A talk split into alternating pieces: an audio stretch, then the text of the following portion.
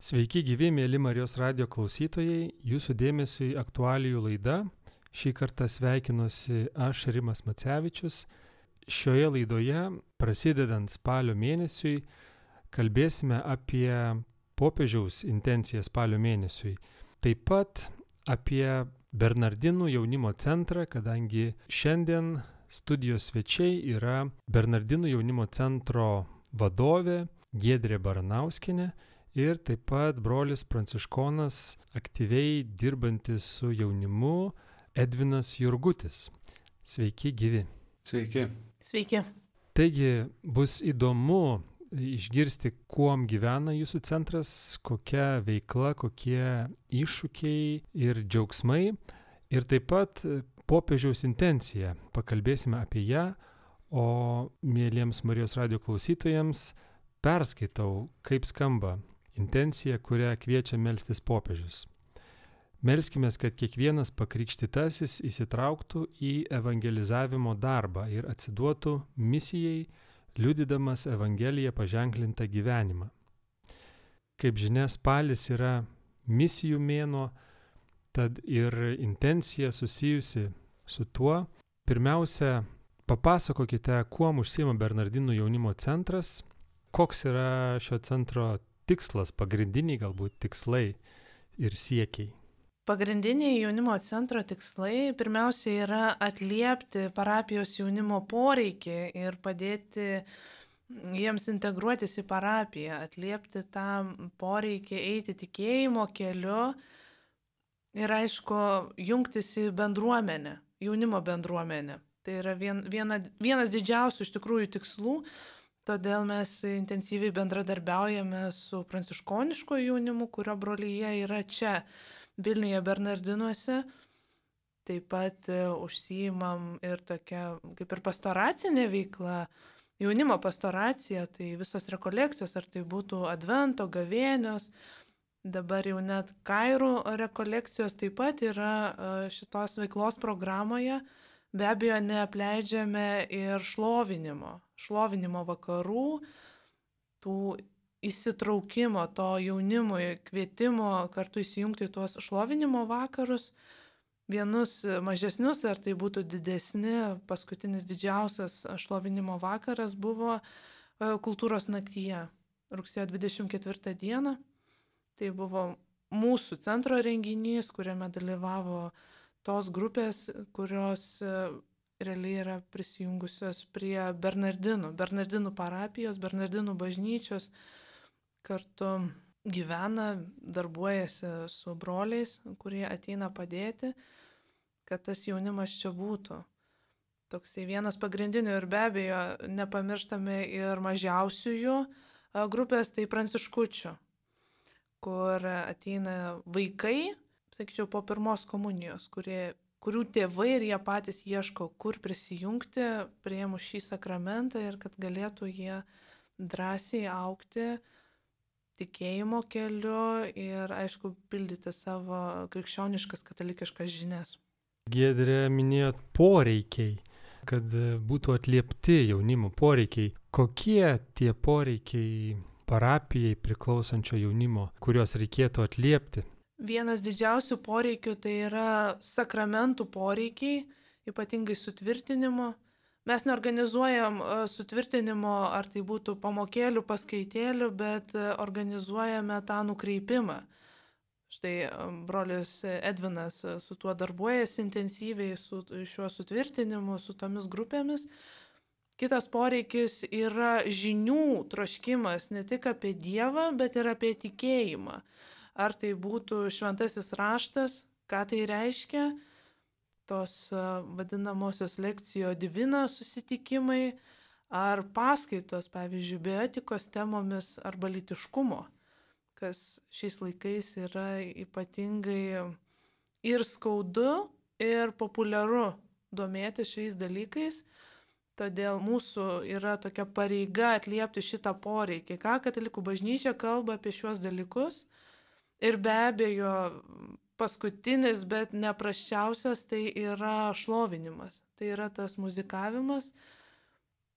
nėra tiek daug grupių Lietuvoje, kurios e, nuolatos burtus išlovintų, jos išsiskiria ir vėl susijungia, bet e, pavieniai žmonės lieka.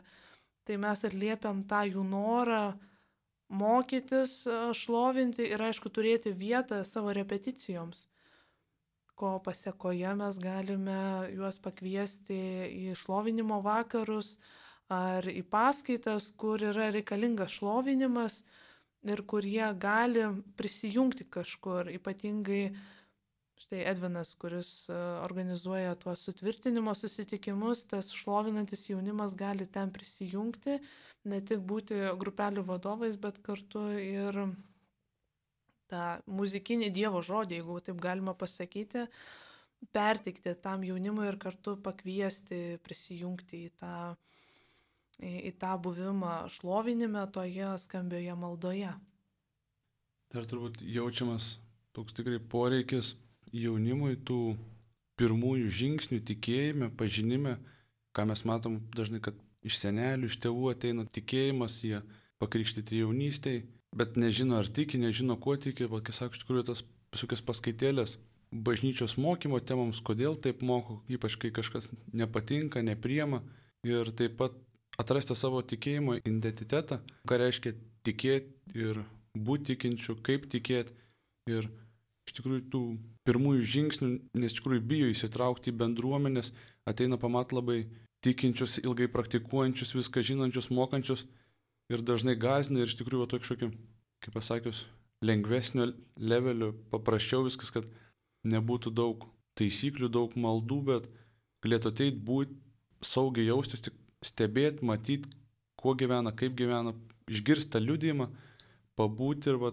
kažkaip pradėti savo gyvenime pieštą tikinčiojo vaidmenį ir kaip tą daryti. Ir, ir iš tikrųjų dažniausiai būna atrasti draugų, kurie irgi tiki ir ką tikrai dabar labai dažnai pastebėjo, gal per sutvirtinimą, per visas rekolekcijas ar su kišlojimis ten daug klausimų nekelia, bet jie pamato kitus žmonės, kurie būna tuose renginiuose, palydį stotelį, išeina kartu, susimato ir tada tikrai šiaip pat einant gatve, mokyklai kažkur pradeda diskutuoti, va girdėjom tą, kaip čia yra, kaip tą priimti ir įdomu, kad jie ateina daug jau pamastę, kartais padiskutavę, pasidomėję, bet ne čia, bet iš tikrųjų išsineša daugiau klausimus arba žmonės, su kuriais galėtų, kurie padėtų jiems eiti tuo keliu.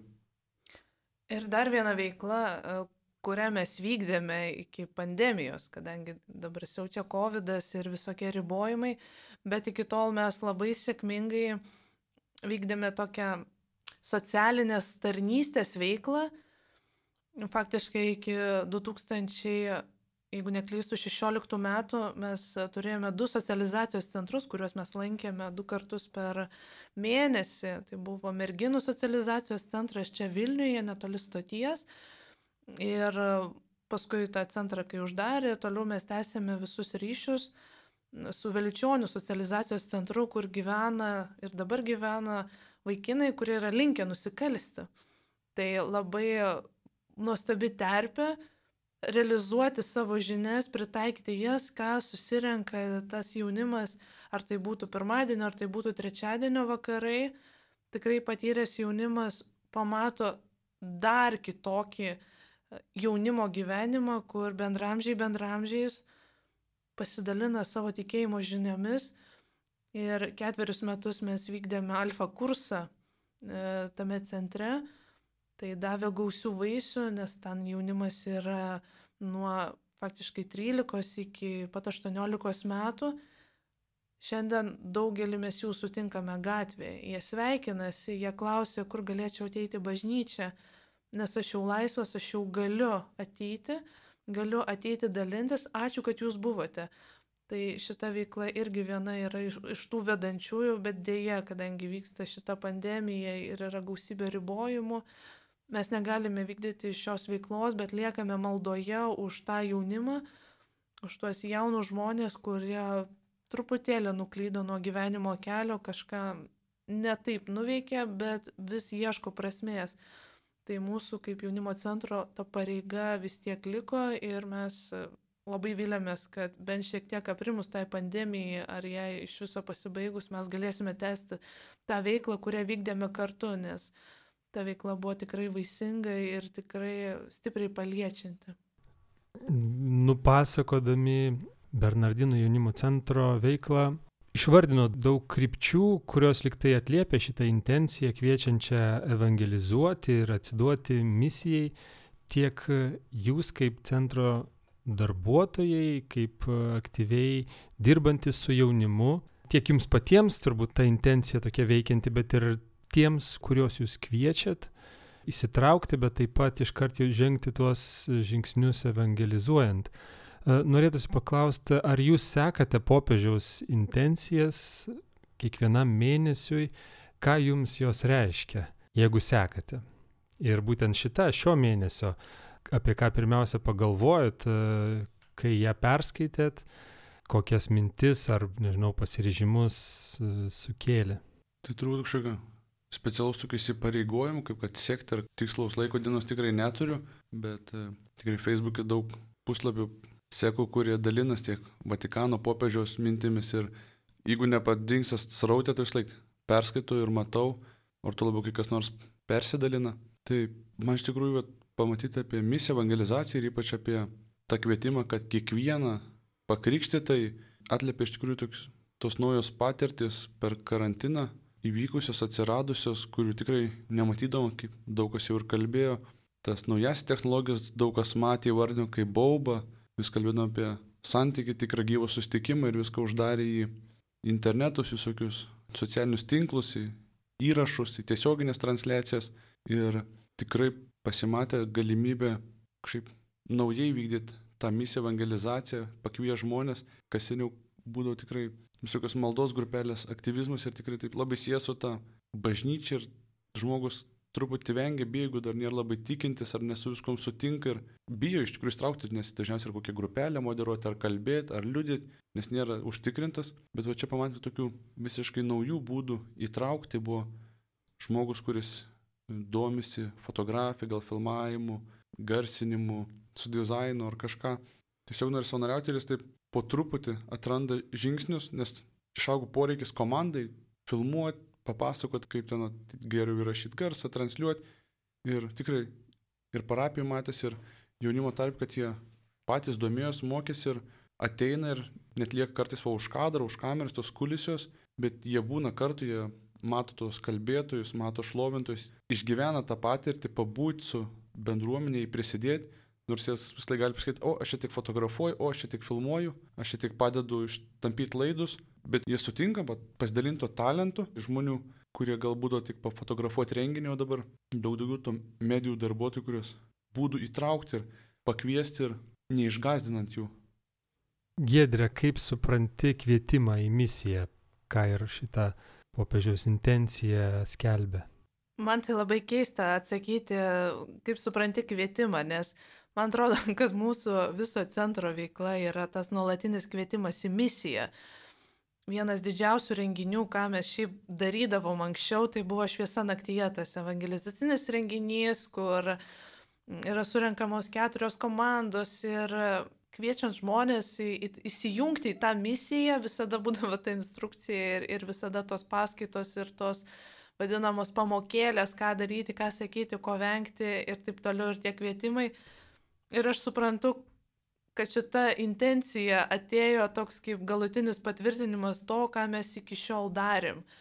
Ar tai būtų visi šitie šlovinimai, ar, arba kaip Edvinas sako, šitos transliacijos, prie kurių mes dirbam, nes visą šitą žiemą nuolat kažką transliuodavom, ar tai būdavo rekolekcijos, ar tai būdavo tiesiog paskaitos, kalbėti, kviesti. Uh, Ir automatiškai pasižiūrėjus į tas peržiūras, į tuos kiekius žmonių, kiek pasidalino, kiek atsiliepė, kiek, kiek po to pasakojo ir siuntė žinutės, kad ačiū, prašom, gal daugiau, o gal kaip nors įsitraukti, tai man atrodo, čia yra apibendrinimas e, visos veiklos, ką mes iki šiol veikiam ir toks savotiškas padrasinimas. Nes į tą misiją tai kiekvienas yra pakviestas eiti ir būti toks, koks yra žmogus. Kiekvienas yra krikštytas, kiekvienas turi savų talentų, kartais galvoja, kad jis neturi tų talentų, bet belieka tik tai atsiliepti, nes viskas išriškėja tik tai atsiliepus, atvira širdimi ir tai tikrai nuoširdžiai. Faktas, kad ir nepakrikštytieji įsijungia. Čia buvo ir ne vienas e, žmogus, kuris gavęs misiją, darbą kažkokią, ar tai tuos laidus tampyti, ar, ar kažkokias tai kameras dėlioti, jisai įsijungė ruošti sakramentam, nors buvo net nekrikštytas kur buvo didžiulė šventė vėly, per Velyknaktį, kai priėmė visus keturis, ne, tris sakramentus iš karto, tai kažkas va tikro tokio atliepo į tą misiją. Mes čia kiekvienas, kuris va sėdėme šitoje studijoje, esame pakrikštytas ir mums tarsi paprasta yra atsiliepti į misiją, sėdėti garsinti, sėdėti kalbėti ar, ar, ar dar kažką daryti, bet tas atsiliepimas pirmiausia yra širdies atsiliepimas. Ar aš sutinku, ar aš su Kristumi krisiu. Bet vat, e, ar neapsunkina, nežinau, Edvinas, pavyzdžiui, pateikė pavyzdžių tokių, kur gali įsijungti, tarkim, pandemijos e, situacijoje, lyg ir paprasti darbai, paprastos veiklos, o žodis misija skamba taip, e, nežinau, riebiai, ta prasme, kad daugeliu žmonių asocijuojasi su vykimu į tolimus, nepažįstamus kraštus, skelbimu, Evangelijos, e, kitų religijų ir ten čia buvėms kokiems. Tai ar lengva, nežinau, arba kaip čia tą suvokimą priartinti prie kasdienybės, žodžio misijos ir kasdienių veiksmų, ar tie kasdieniai dalykai netrodo per maži, ar galime vadinti misionieriais tuos kasdienius, paprastus veiksmus atliekančius žmonės. Kalbant apie misiją, Man vis laik būna toks įdomus tas e, pačiam pasamprotavimas, mąstymas, kaip vis laik skatinam siūsti misiją, eiti misiją, bet tuo pačiu metu matom, kaip į Lietuvą atvažiuoja misionieriai ir vis atsiranda naujų bendruomenių, brolių, ir tas va, šiuo metu dažnai matau brolius Slovakus, aktyviai dirbančius ir gudur, kad toks atrodo susidvėrims, kad nu, tie, kurie jau siunčia į misiją, atrodo, kad jiems ten viduj turėtų nereikėti, bet yra žmonės, kurie važiuoja į Lietuvą ir mato čia misijos plotus. Tai turbūt nesam dar pertekę tų, kas evangelizuoja. Man misija asocijuoja su iš gilumis prasmės, kur visiškai žmogus ateina iš, į naują kontekstą, visiškai išeina iš komforto zonos, kas įvyko daug kur, pavyzdžiui, pradėsis transliacijas, kur visiškai nepasiruošęs, visiškai nieko nežinai, neturi pažinčių ir tikrai papuoli visiškai naują plotmį ir, ir pradedi bendrauti daug su operatoriais, režisieriais, garso, vaizdo Ir tikrai man daug kur buvo kaip papulti visiškai kitą šalį, nes buvo visai kita kalba, kiti dalykai, atpažinti, su, suprasti ir papuolęs kovoti ir su žmonėm, kurie visiškai nieko bendro neturi, su bažnyčia visiškai nieko bendro ir tik žinau, kad yra pakrikštyti per šventės ateina. Man iš tikrųjų būtų turbūt misija visiškai turi išeiti iš savo komforto zonos, o visų pirma, iš tikrųjų tai daryti kažką, atei daryti dėl kito kažką duoti ir tavas, ką ir popiežius dažnai atliepia, ką Evangelija kviečia, ateit kitas sutik ten, kuris yra. Toj vietoje jį pažinti ir ateit pastebėti jo talentą ir jį panaudoti, jį įtraukti. Ir ateiti ten, kur žmogus yra, reiškia turbūt prisitaikyti kažkiek prie jo, stengtis prabilti jo kalba jam suprantamais būdais. Ar patiriate tai ir ar tai būna sunku jums asmeniškai?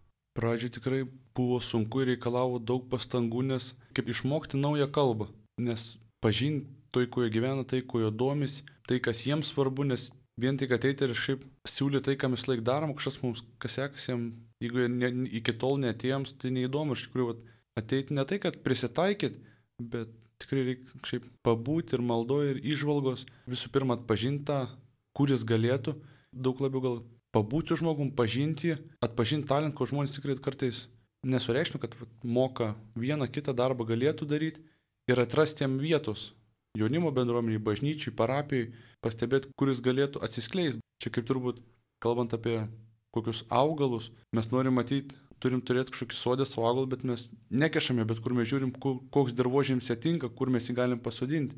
Ir kartais gal taip ir bus prisitaikymas, kai bažnyčiai kažkokį plotelį išpurensi ir pripilsi rūkščios ar šarminės žemės, kad jam ten tiktų, sukursi tą vietą, kuris galėtų aukti. Ir mums dabar pandemija paragino, įmetė į tą duobę, kad turim daryti viską. Bet mane dar daug įkvepia ieškoti būdų, kai gal nėra būtina, bet sukurti tą erdvę, kažkokios kitokias veiklas, kurių šiandien nėra ir atrodo, kam to reikia, nebūtų reikalinga, bet jeigu toje vietoje yra žmonės, kurie galėtų atsiskleisti, sukurti tą vietą jam, kad jis turėtų vietas, kur dirbti ir aukti. Mėly klausytojai, šioje laidoje su Bernardino jaunimo centro atstovais, šio centro vadove Gedrė Baranauskenė ir broliu pranciškonu Edvinu Jurgučiu kalbame apie spalio mėnesio popiežiaus intenciją bei apie Bernardino jaunimo centro e, veiklas. Kaip Jūs manot, jeigu kalbėtume apie tuos, kuriuos galbūt jums tenka kviesti evangelizuoti kartu su jumis arba kviesti į vienokią ar kitokią misiją, kokio masto jį bebūtų, kas dažniausiai trukdo žmogui apsimti, priimti šitą iššūkį, kokios pagrindinės kliūtis būna? Greičiausiai pagrindinės kliūtis, bent jau kiek aš pastebiu per nu, tikrai ilgą laiką darbo čia šitame centre, tai pirmiausia yra baime. Baime kažką padaryti ne taip, kažką ne taip pasakyti, kažkaip ne taip atsistoti, galbūt atsisėsti. Tai yra pirminės tokios baimės, tarsi atrodo fizinės, e, tos baimės tam žmogui, nes jis nežino, ką daryti. Tie, kurie, kaip Edvinas sako, galbūt kažkada anksčiau labai seniai jau pradėjo tikėjimo kelionę, jie jaučiasi drąsiau.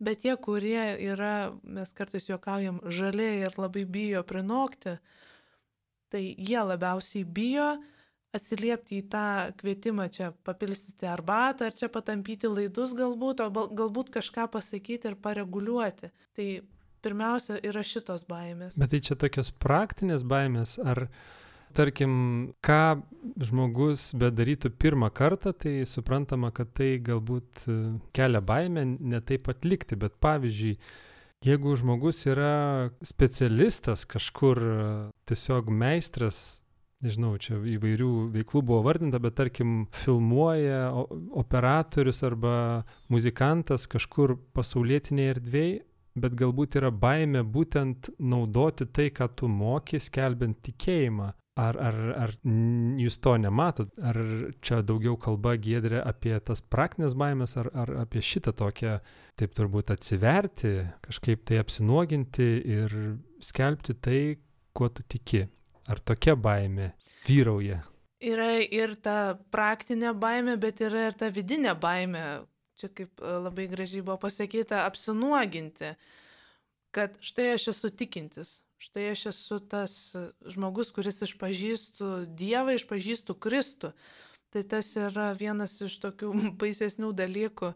Mes turime ir tokių niuansų tam tikrų, kad mūsų jaunimo centre repetuoja ir pasaulietinės grupės, kurios nieko bendro neturi su bažnytiniu gyvenimu, bet staiga joms kyla klausimus, gal mes galime prisidėti prie mišių šlovinimo, galbūt mes galime padėti. Tai pirminis tas dalykas yra tos fizinės baimės, o po to jau yra tas dvasinis atsiverimas, kas yra labai sunku, bet čia yra reikalingas vedimas šalia lydėti, ar tai būtų brolis, ar tai būtų tas žmogus, kuris trupučiuką daugiau yra patyręs, negu tas žmogus įsivaizduoja, ką jisai gali padaryti ir kaip jisai gali atsiliepti į tam tikrą kvietimą, o galbūt tiesiog ateiti ir pasakyti, štai aš galiu šlovinti, štai aš galiu tą ar aną daryti. Aš gal dar dažniau pastebiu, tie žmonės turi baimę, man atrodo, daž... daug mažiau negu pasitikinčius jų būna. Ir gal jeigu juos bandai pastatyti į priekinės linijas jau visiškai kaip organizatorių ar kaip kažką susijaudinti, kad aš nežinau, kaip čia bažnyčių daromas, nenoriu iš tikrųjų papiktinti ar kažkaip neteisingai padaryti, arba kažkaip išsišokti, nes nu, jis nežino kartais. Bet tai būna, sakyčiau, mažuma, gal didesnė baimė yra ir blogis, kurį pastebiu, kad bendruomenės labai sunkiai priema ir, ir labai sunkiai pačiai bažnyčiai jiems atsiskleisti ne dėl to, kad jie nenori, bet jie atėję pirmą, antrą kartą didelį pasipriešinimą paučia iš tų jau vadinamų tikinčiųjų, iš aktyviųjų, kai ateina žmogus net kartais nelaikant savo tikinčių, pakviesi išlovinimą, jis tuoj prieis, paklaus, o aš tavęs niekad nematęs, kokiu čia bažnyčia lankai, iš kur esi, ir jis pasimeta ir, nu, nelabai dabar kažkaip lankauti, nu, buvau kažkada komunijai paskutinį kartą per sutvirtinimą, ir man teko iš tikrųjų pajausti tokį džiaugsmą, kai koks vienas ar kitas kuris ateina šlovinti ir tikrai tikintis žmogus, praktikuojantis, bet iš savo muzikos mokyklos, iš grupės pasikviečia gitaristą, pianistą ir jie sutinka, nes sako, aš turiu renginuką, einu pašlovinti bažnyčiai su savo Hebra ir jie mielai atsiliepia, bet jie atėjo tikrai susiduria su tokiu, kad tai jau turi greit susimastyti, jau turi greit keistis ir ar čia tinkamas gyvenimas, jie daug kur žino, kad gal jų gyvenimas netinkamas, ar žino, kad kažkur tikrai netitinka bažnyčios mokymo ir tada jos labiau išgazdina. Nu jau tu turi būti tokie tobuli katalikai, ką mes patys kaip gyvenantys suprantam, kad tokių dalykų kaip tobulas katalikas iš viso nėra, bet dažnai jiems sudaromas įvaizdis toks, kad va čia jau turi būti tobulas katalikas, kad va čia jau stotum į priekinės eilės. Nors dar labiau nuliūdina juos, jeigu lieka ir pamato, kad tie, kurie jos taip jau kvestionavo ir klausė, patys nėra tokie tobuli ir tada dar labiau apsunkina jų tą pasilikimą. Taip, čia iš tų galbūt evangelizuojamųjų pusės Edvinai paminėjai, o dar jeigu apie tas kliūtis, baime taip ir ta dvasinė, ir ta praktinė baime, kokios dar, nežinau, pavyzdžiui, galbūt imtis kažkokių tai misijų ar evangelizavimo darbų, įsitraukti į evangelizaciją, trukdo kažkoks jautimasis nenaudingu, mažai ką te galinčių pakeisti ar, ar pasakyti, ar pagristas toks galvojimas. Dabar pagalvojau, kad greičiausiai dar kokia trečioji baime galėtų būti žinių trūkumas teologinių žinių trūkumas. Nes e, ne viską mes išgirstame per pamokslus mišių metu, ne visada mes išgirstame ir tam tikrose paskaitose, ar nesvarbu, ar tai būtų pasiruošimai sakramentam, ar tam tikros teminės paskaitos. Ir tas jaunimas, kuris ateina, jisai nori galbūt prisidėti, galbūt nori tą savo širdį apnuoginti, bet neturi tam tikrų žinių, kaip pasakyti, kad Dievas yra trijose asmenyse. Ir kaip tą pasakyti, kad ir kitas suprastų. Tai šitas trūkumas yra gana nemažas, todėl mes kaip centras tengiamės būtent jiems kažką suorganizuoti, kad atlieptume šitą dalyką, šitą poreikį, šitos klausimus atsakytume nes ta baimė yra nemaža. Aš šitą pastebėjau ypatingai iš tų evangelizacijų, kurios išvažiuojamosios, ar tai būtų miestui skirtos tam tikra proga, kai atbėga ir klausia, o tai kaip man atsakyti, kad čia yra monstrancija, pasakyti kitaip, kad tai nėra vafliukas formoje įdėtas, kaip tą pasakyti. Ir mes tada suprantame, kad, o, štai čia reikėtų atsakyti į šitą tikrai esminį klausimą, vieną, antrą, trečią, ketvirtą.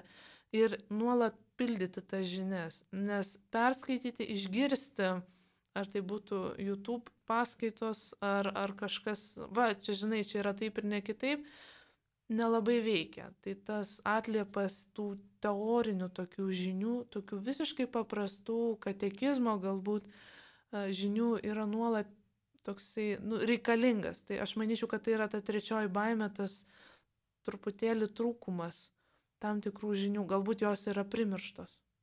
Nes kaip Edvinas minėjo, galbūt žmogus buvo vieną, antrą, trečią, dešimtą kartą, o vienuoliktą kartą jis nebetėjo į bažnyčią, bet jisai atėjo dvyliktą kartą po kažkiek metų ir jisai nori prisidėti prie veiklos, jisai nori eiti į tą misiją, jisai nori prisijungti, nori daryti, bet trupučiu bijo, nes nepakanka tų žinių, kaip jisai norėtų galbūt kalbėti, daryti ir taip toliau.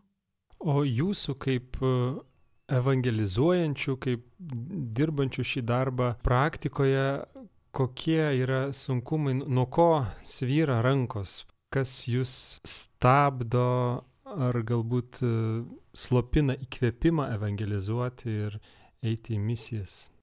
Gal pirmas toks ir labiausiai slopinantis dalykas būna, kad žmonės ypačiais laiks matom vis mažiau linkę įsipareigoti ir ypač ilgalaikiu ir ypač tas dažnai toks noras, kad jis ateitų ir iškart čia liktų ir būtų ir ant jo sukūriamas visas piešinis, kaip iš ateis bus ir darys ir kartais mes matom veiklų, matom norų, kaip galėtum daryti, bet kartais tų pačių žmonių nebūna arba kas norėtų tai gauti. Ir dar turbūt antras, kad dažnai praleidžiam tą drąsinti ir ruošti kaip lyderį, kuris galėtų perimti pereiti į aukštesnį laiptelį, pažiūrėjau, būkto, kuris organizuoja sustikimus, ar ten choro, ar ten komunijų ar sutvirtinimo ar renginio, paruošti jį irgi patiems kaip su jais dirbti, kad jie po metų, dviejų ar net po pusmečių kartais nebijotų ir prisimtų ir iš tikrųjų įkurtumėm tą bažnyčią bendruomenę, kurie, kaip sakom, kad jeigu iškelia kunigą, iškelia kleboną, iškelia brolį, kad ta bendruomenė veiktų, kad ji išliktų, kad būtų žmonės, kurie žino daryti, ką daryti, kaip daryti, jiems rūpėtų, kad jie patys pradėtų trokšti, iš tikrųjų, pagrindinė ir misija, kad vat, pamatytų tą prasme turbūt ir kad jų širdis užsidegtų troškimo daryti dėl kito, kai atsitraukia kartais didelis, net aktyvios bendruomenės per vienus, dviejus metus visiškai gali subirėti ir veiklos, kurios aktyviai vyko, kristi į visišką nulį. Kad e, ateitų ne dėl ne tiek dėl žmonių, lyderių, kurie patraukia, bet dėl dievų ir dėl kitų, tiems lyderiams pasitraukus, kad liktų ta prasmė, kuri juos patraukia ateiti. Giedrė, kokie sunkumai? Dar vienas yra tikrai, ką čia paminėjo Edvinas, iš tikrųjų šitie sunkumai ir tokio, net, tokios net problemos tarsi gaunasi, yra dar viena tokia ypatinga nemanau, kad tai yra problema, bet galbūt stoka tai yra maldos. Ką pastebėjome per savo taip pat tas misijas išvažiuojamasis, kad yra labai svarbu melstis. Yra svarbu melstis drauge, susitikus, bet ir po misijos. Galbūt yra sutariama, sutariamas laikas, kad štai po misijos mes išsiskirstysime po namus, bet štai 9 ar 10 val. vakaro mes tiesiog sukalbėsime Dievo gailestingumo vainikėlį šitą intenciją, kad štai dėkojimas Dievui, kad šita misija įvyko ir kad mes turėtume jėgų eiti į kitas misijas, galbūt nebūtinai tokia pat, bet į visas kitas, kurias mus pakvies. Tai ne tik kaip bendruomenė, bet kaip asmenį, kad viešpas beldžia į mūsų širdis ir kad mes galėtume atsiliepti. Taip pat yra toks ypatingas dar dalykas, kas buvo pastebėta per daugelį metų nes jaunimo centras kitais metais šves 15 metų jubiliejų, yra labai svarbi sesių ar brolių malda būtent už šitas misijas. Mes esame palaiminti, kad pranciškoniškoji šeima turi antrąjį ordiną, tai sesių Klarisių ordiną, kurios nuolat domisi ne tik brolių pranciškonų veikla, bet ir jaunimo, ar, ar tai būtų pasauliečių pranciškonų veikla, jos domisi, jos nuolat klausia, kur palaikyti jūs maldą. Tai ypatinga ta bendrystė maldoje labai stiprina. Ir aš čia pastebėjau, pasidalinau rūpiučio mėnesį. Taip, pabaigoje rūpiučio buvo toks pranciškoniško jaunimo susitikimas Ir aš atėjau pasakiau, už tai sesutė siunčia žinę, kad jos meldžiasi už šitą susitikimą. Ir po savaitės vykusi, vykęs renginys buvo ten toks rimtas administracinis. Iš tikrųjų, aš vėl perdaviau jų žinę, kad štai jos meldžiasi, jos palaiko. Ir būtent ta žinia, kad kažkas už juos meldžiasi, už tą jaunimą, už jų veiklas, labai stiprina. Tai tas trupučiuką įmeta tų žaryjų į tas degančias širdis, į tą ugnį, kad tas jaunimas atsilieptų ypatingai į misijas, kažką veikti, kažką daryti ir turėtų tų dvasinių jėgų. Kartais jie neturi fizinių jėgų, nes yra ypatingai pavargę nuo savo darbų, studijų, bet širdis dega ir sako, aš galiu bent telefonu suskambinti ir susakyti tam tikrus dalykus atitinkamiems žmonėms. Ar jūsų evangelizacinėme darbe jums svarbus mm, rezultatai arba vaisiai ir ar šitame darbe jie tikrai yra apčiuopiami? Ir jeigu ne, tai ar tai vėlgi nėra, nėra sunkumas didelis, nes kaip ir Edvinai minėjai, yra tas buvimas prie žmogaus, ateiti ten, kur jis yra, e, juk tai yra labai ilgas procesas Ir dar taip pat laidoje buvo paminėta, kad tokių dorų katalikų kaip ir nėra, tai vėlgi žmogui, kuriam skelbi Evangeliją, tikėjimą, liudyji meilę, kada jis jau yra, kaip čia pasakyti, tavo darbo rezultatas. Ar tai jūsų vėlgi e, neslopina, ar nesvyra nuo to rankos, o gal vis tik tų rezultatų ir vaisių jūs daug matot ir būtent jie jūs neša pirmin? Pirmaisiais savo tikėjimo mes kaip buvo toks ką tik atsivertęs, labai karštas ir eini ir nori labai matyti tuos vaisius ir tas minės augančias, bet iš tikrųjų pastaraisiais metais, kai studijuoju, kai jau labai reguliariai dirbu su, su jaunimu, su grupelėm, tikrai pastebiu, taip pat ir jaunimo centre ateina žmonės ir išeina ir buvo laiks, kai labai norėjo rankos virt, kad neauga tie skaičiai, nedaugėja, tai kažką blogai darom, kažkas nevyksta, ar, netikim, ar ne Evangelija, ar čia Jėzaus nėra kažkas, bet tu tikrai ilgesniai perspektyvai pastebiu, kad tie žmonės nedings, iš kurių, kaip kalbam, ta siekla pasėta ir šiai dienai visai iš tikrųjų nesijaudinti dėl skaičiaus, ar tų pačių savanorių, jeigu per tris metus buvo dešimt ir lieka dešimt, net sumažėjo, dėl to kiekvieno renginio stengtis šimtų procentų man tikrai verta ir šiaip visiškai nebesijaudinęs.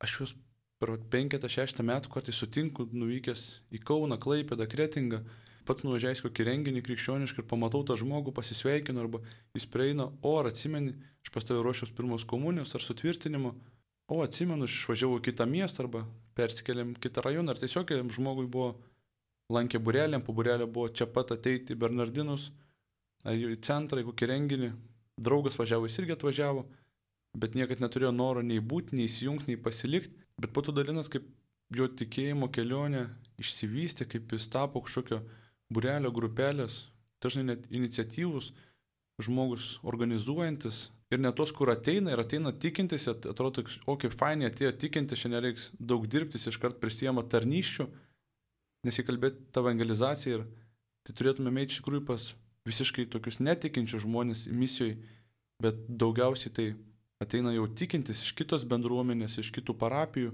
kažkaip ieškant kitokio būdo ir aš juos tikrai priemu kaip dovaną ir suprantu, kad kažkas kitas juos paruošia ir visiškai rami širdim išleidžiu, kad jeigu jie negryž, ką matom ir ten santokų sakramentų, ką broliai kunigai daro, iš daugybės Lietuvos vietų, iš visiškai skirtingų parapijų sutinka du žmonės ir ateina čia, čia ruošias kursam. Tas, kad tikrai visuotinės bažnyčios ir aš tik prisidedu etapui, ar tai metai, ar tai vienas savaitgalis, bet jis po to grįžti tą savo kaimuką, į savo kolegiją, universitetą ir jis ten, jeigu jam užsidegė širdis, jis ieškos, kaip įsijungti jam arčiau, patogiau, su jo talentais. Ir gal mūsų centras netlėpia jo to talento kažkokio, neturim jam vietos. Ir jis atranda kitoj vietoj. Ir man iš tikrųjų svarbiausia, mm, per tą patį gal renginį, kad numatyti tą žmogų, kad, kad liečia, arba kad perdavėm kažkokią žinią, kad jiem patiko, kad jį palėtė, o ar jis ateis ir padidės minį iš tikrųjų visiškai, man jis nebejaudė, nėra tas dalykas, kad nedaugėja, tai čia kažką darom blogai. Man atrodo, iš tikrųjų, visuotinės bažnyčios vaizdą stengiuosi matyti. Labai teisingai pasakė Edvinai, atlėpė į mano mintis. Aš prisiminiau brolio Algio mintį, kaip nevertinti tų rezultatų. Taip, finansiškai mes galime suvesti visus galus ir taip toliau, bet e, mes stengiamės vadovautis tuo posakiu, kad kas Dievui tas geriausia. Ar tai surinkti priemonės, ar stengtis įdėti tiek daug darbo, tiek su savanoriais, ar patiems dirbti, bet tai, kas Dievui, tas yra geriausia. Ir ypatingai evangelizuojant žmonės, neduoti žuvies, o pirmiausia duoti meškerę, kad jie patys pasigautų tą žuvį, meškerę, evangeliją, evangelijos žodį ir maldą už juos. Tai esminis dalykas, nes kiekvienas savaip sutinka Dievą, kiekvienas savaip tiki, kiekvienas turi savų norų, galimybių eiti pas Jėzų, eiti jį sutikti. Laidai baigiantis, galbūt galėtumėte palinkėti klausytojams ko nors šį misijų mėnesį, spalio mėnesį ir kalbant apie šitą popiežiaus intenciją, kuris skamba šitaip, melskime, kad kiekvienas pakrikštytasis įsitrauktų į evangelizavimo darbą ir atsiduotų misijai, liudydamas Evangeliją paženklintą gyvenimą. Galbūt jūs norėtumėt kažko tai palinkėti, paskatinti žmonės atsiliepti į kvietimą evangelizuoti ir į kvietimą misijoms.